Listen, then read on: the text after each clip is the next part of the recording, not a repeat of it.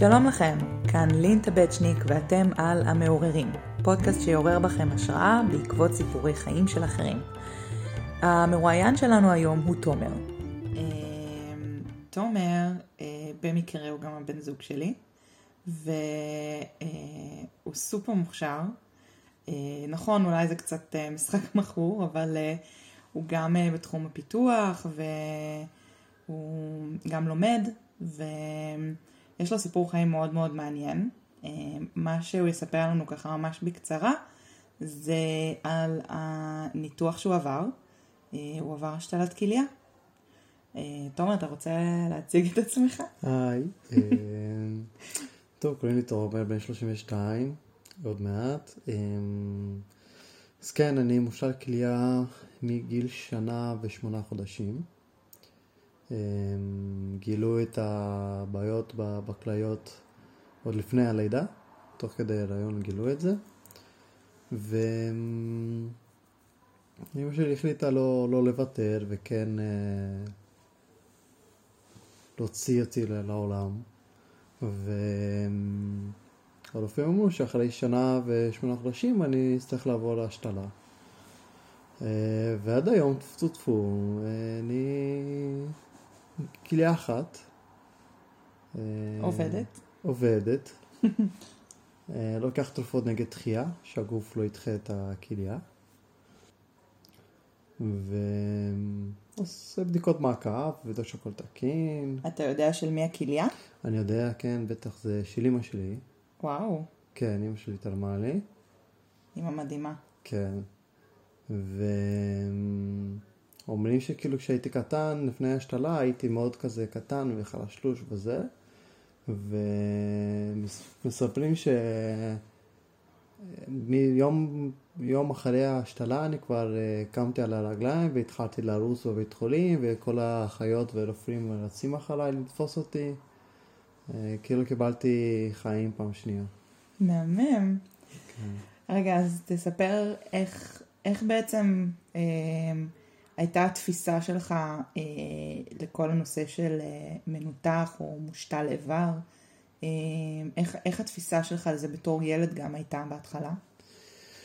אמ, אני, כשבתור ילד אני לא, לא כל כך התייחסתי לזה עד גיל 17, אה, בוא נגיד 16-17, אני הייתי מאוד ילד כזה שלא אכפת לי ו... הייתי כן לוקח את התרופות, אבל הייתי מאוד מתעצבן כי כל הזמן הייתי צריך לקחת תרופות, ו...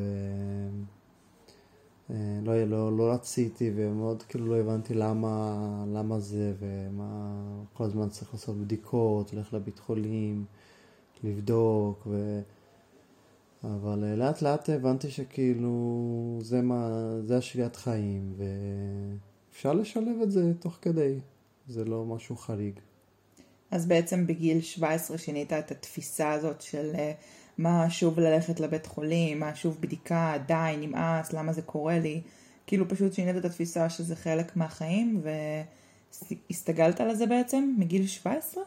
כן, מגיל 16-17 הבנתי שכאילו זה מה יש, אני חייב לעשות את הבדיקות אה, ונמשיך לקחת את התרופות כי אחרת הגוף ידחה את הכליה ואז אני לא אוכל לא לחיות יום רגיל. אה, יש אנשים שמאבדים את הכליה ועושים דיאליזה כל פעם בשבוע, והחיים אה, שלהם מאוד קשים.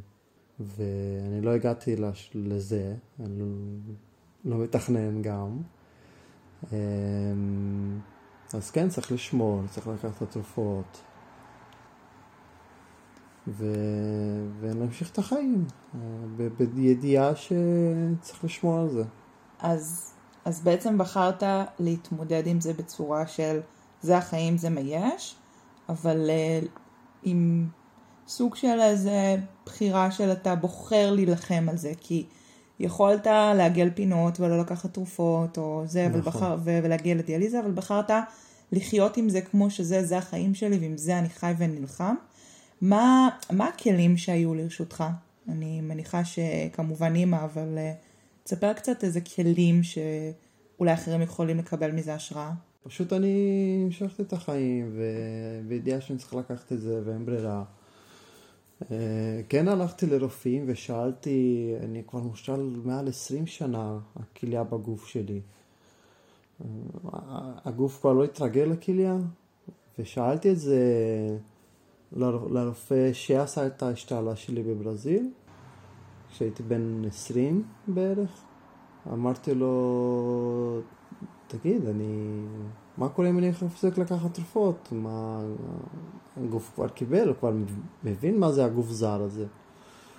הוא אומר, תראה, יש אנשים שהפסיקו לקחת תרופות ולא קרה להם כלום. יש אנשים שהפסיקו לקחת תרופות ואיבדו את הכליה צריך למצוא השתלה חדשה. אז בוא, לא ניקח סיכון. וזה גרם לי ללכת לקו הזה, שלא לקחת סיכון. אז כן חשוב להתייעץ עם רופאים, אבל לא, לא ללכת על כל דרך שאומרים לך. זה, זה חשוב uh, לזכור שעם הדברים האלה לא, לא משחקים. מהמם.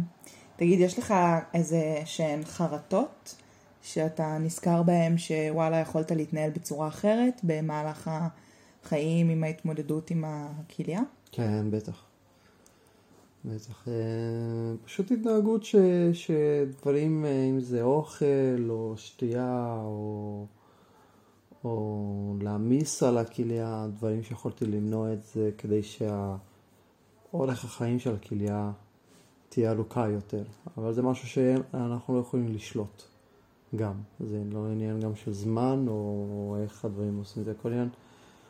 נכון, הכליה, במיוחד כליה מושלת, יש לה חיים מסוימים, יש לה זמן מסוים.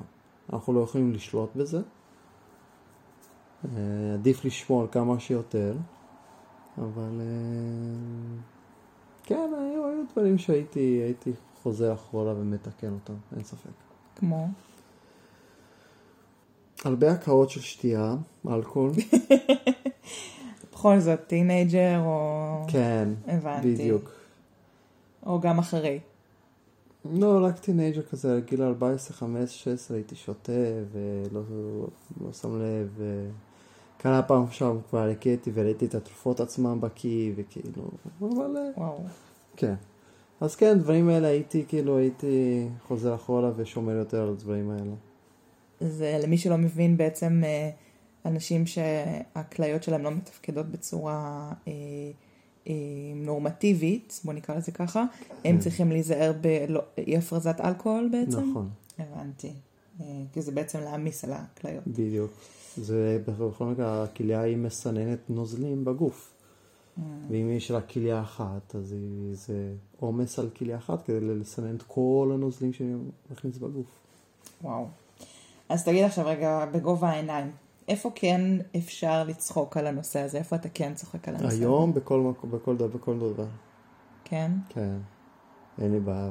תן דוגמה נגיד, מה משהו על הצלקת של הניתוח, או זה שאתה באמצע נגיד לימודים פתאום מוציא ושולף ולוקח תרופות, מה... כן, כבר צחקתי על תרופות, אני כבר צחקתי על זה שזה התמכרות, או... אז... הצלקת זה פעם אה, דקרו אותי, כל מיני סיפורים כאלה. פעם זה היה כדי לברוח מזה, התרופות זה היה כאילו, כאילו לא מרגיש טוב או משהו, אבל היום אני כבר לא, לא מסתיר את זה. איזה כיף. כן. אה, אני, אני בעד לצחוק על דברים כאלה מאוד, אני חושבת שזה מוסיף דרך התמודדות, שוב, כמו שאמרת, לא מתוך בריחה, אלא מתוך אה, אה, סוג של הומור על החיים. כן. מגניב. טוב, לסיום, אה, מה, מה הטיפ שהיית נותן נגיד למאזינים שלנו, לאחרים, שמתמודדים עם איבר מושתל, או, או בכלל שמתמודדים עם המצב הזה של לקחת תרופות על בסיס יומי, איזה טיפ היית נותן?